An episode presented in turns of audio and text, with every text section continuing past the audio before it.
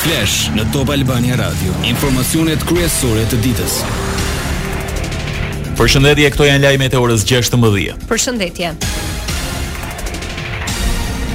Një alarm për bombë në Tiranë te Drejtoria e Kufirit dhe Emigracionit në zonën e Laprakës vuri në lëvizje policinë. Kjo pas njoftimit për praninë e një valixheje të dyshimtë para derës së godinës. Ndërkohë pritet që forcat e specializuara Të bëjnë shpërthimin e kontrolluar në zonën ku për arsye sigurie u vendos perimetri i sigurisë.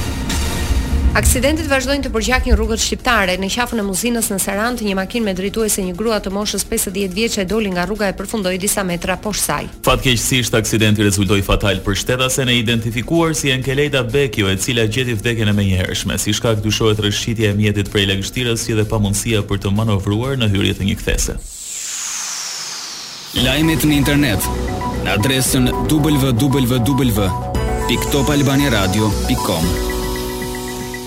Gazetari Adriatik Doçi sot u paraqit në spak për të depozituar kallëzim penal ndaj dy prokurorëve Klodian Braho dhe Enied Nakuçi si dhe zëvendës kryemin ish zëvendës kryeministrit Arben Ahmetaj. Kallëzimi ka të bëjë me hetimet për inceneratorin e Elbasanit, ku sipas gazetarit Doçi dy prokurorët e spakut fshehën provat Dhe qëllimisht devijuan hetimet për të mos çuar përpara drejtësisë Ahmetajn. Jo vetëm Arben Ahmetaj ka lëvizur me Klodian Zoton në vende të ndryshme që ngre dyshime të forta për favorizim dhe një skemë korrupsioni, por Klodian Zoto edhe ka paguar me kartën e tij të kreditit pushime të Arben Ahmetajt nëpër hotele ku arrin deri në dy mijë euro nata në një hotel. Provat janë gjetur nga rikuperimi i tre kompjuterave, të Klodian Zotos dhe nga telefoni i Klodian Zotos. Sa i përket vijimit të hetimit, gazetari Adriatik Doçi shprehet. Forma e hetimit dhe rrugët i mbetet organeve të drejtësisë. Unë zgjodha një rrugë ligjore dhe iu drejtova SPAK-ut sepse SPAK-u ka në kompetencë si dy prokurorët ashtu edhe ish-ministrin e Ekonomisë Arben Ahmetaj. Gjithashtu kam vënë në dijeni edhe Këshillin e Lartë Gjyqësor, Inspektoratin e Lartë të Drejtësisë dhe institucionet tjera që mund të marrin masa dhe që mund të veprojnë mund të përfshihen në këtë çështje. Për të parën herë në një vit në nëntor inflacioni shfaqi shenja ngadalësimi duke sinjalizuar se rritja e fortë e çmimeve mund të ketë arritur pikun. Sipas Instatit ndryshimi vjetor i indeksit të çmimeve të konsumit në nëntor dy mijë e njëzet e dy është shtatë pikë nëntë përqind, Hera e parë që shifra vjetore vjen në rënie që nga tetori i vitit të kaluar.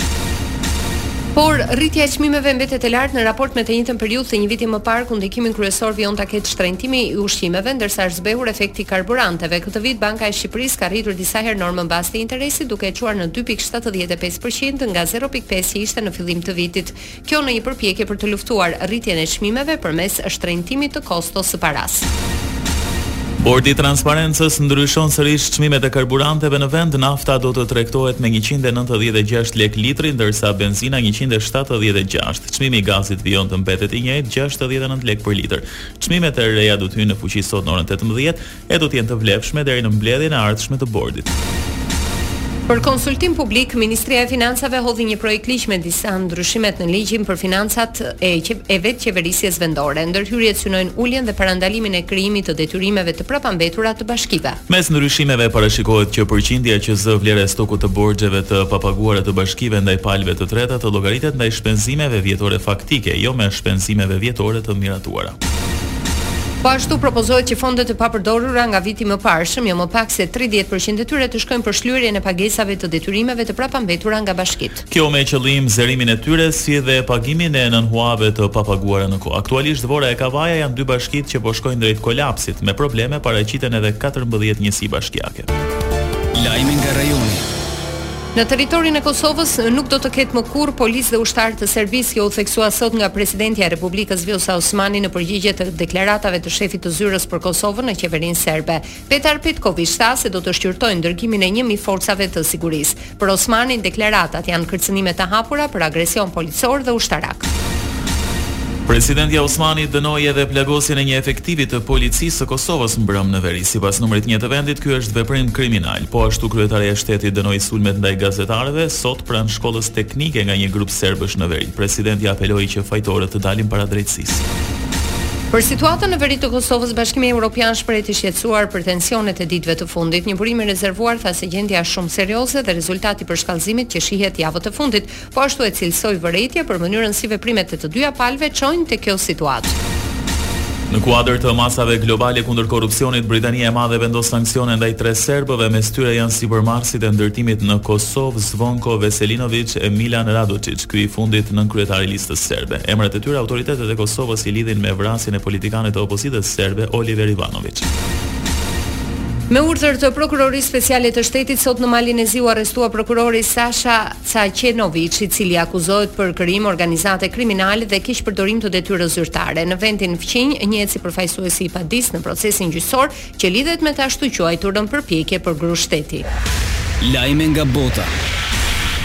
Përmes një pakete masash të reja, Komisioni Evropian do të trajtojë subjektet e përfshira në skemën e mashtrimit me TVSH-në, midis tyre shërbimet digjitale. Vendet e BE-së po humbasin miliarda euro çdo vit nga mashtrimi me TVSH. Në vitin dy mijë e njëzet, Shifra e humbjeve ishte nëntëdhjetë e tre miliardë euro ndaj pritet një sistem raportimi elektronik për TVSH. Nëpërmjet faturave elektronike, kompanitë duhet të raportojnë çdo transaksion tregtar ndërkufitar në kohë reale. Ky sistem mund të përsëritet për përdorim të brendshëm kombëtar dhe vendeve anëtare të Bashkimit Europian u lejon të reagojnë më shpejt ndaj transaksioneve të dyshimta. Sport. Pas dy ditësh pushim, rikthehen ndeshjet e Botërorit Katar dy mijë e njëzet e dy. Në fazën e çerekfinaleve, prej pak çastesh po luhet sfida Kroaci-Brazil, ndërsa Holandë-Argjentinë nis në orën njëzet të mbrëmjes. Ndërkaq, nesër është radha e përballjeve Marok-Portugali dhe Angli-Francë.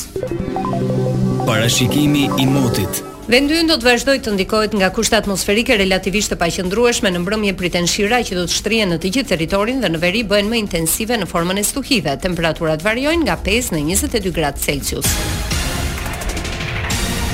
Ndoqët një përmbledhje kryesore të lajmeve të ditës. Takimi informativ i radhës në Top Albania Radio është në orën 17. Unë jam Edi Hallaçi. Unë jam Doriana Lato. Kjo është Top Albania Radio.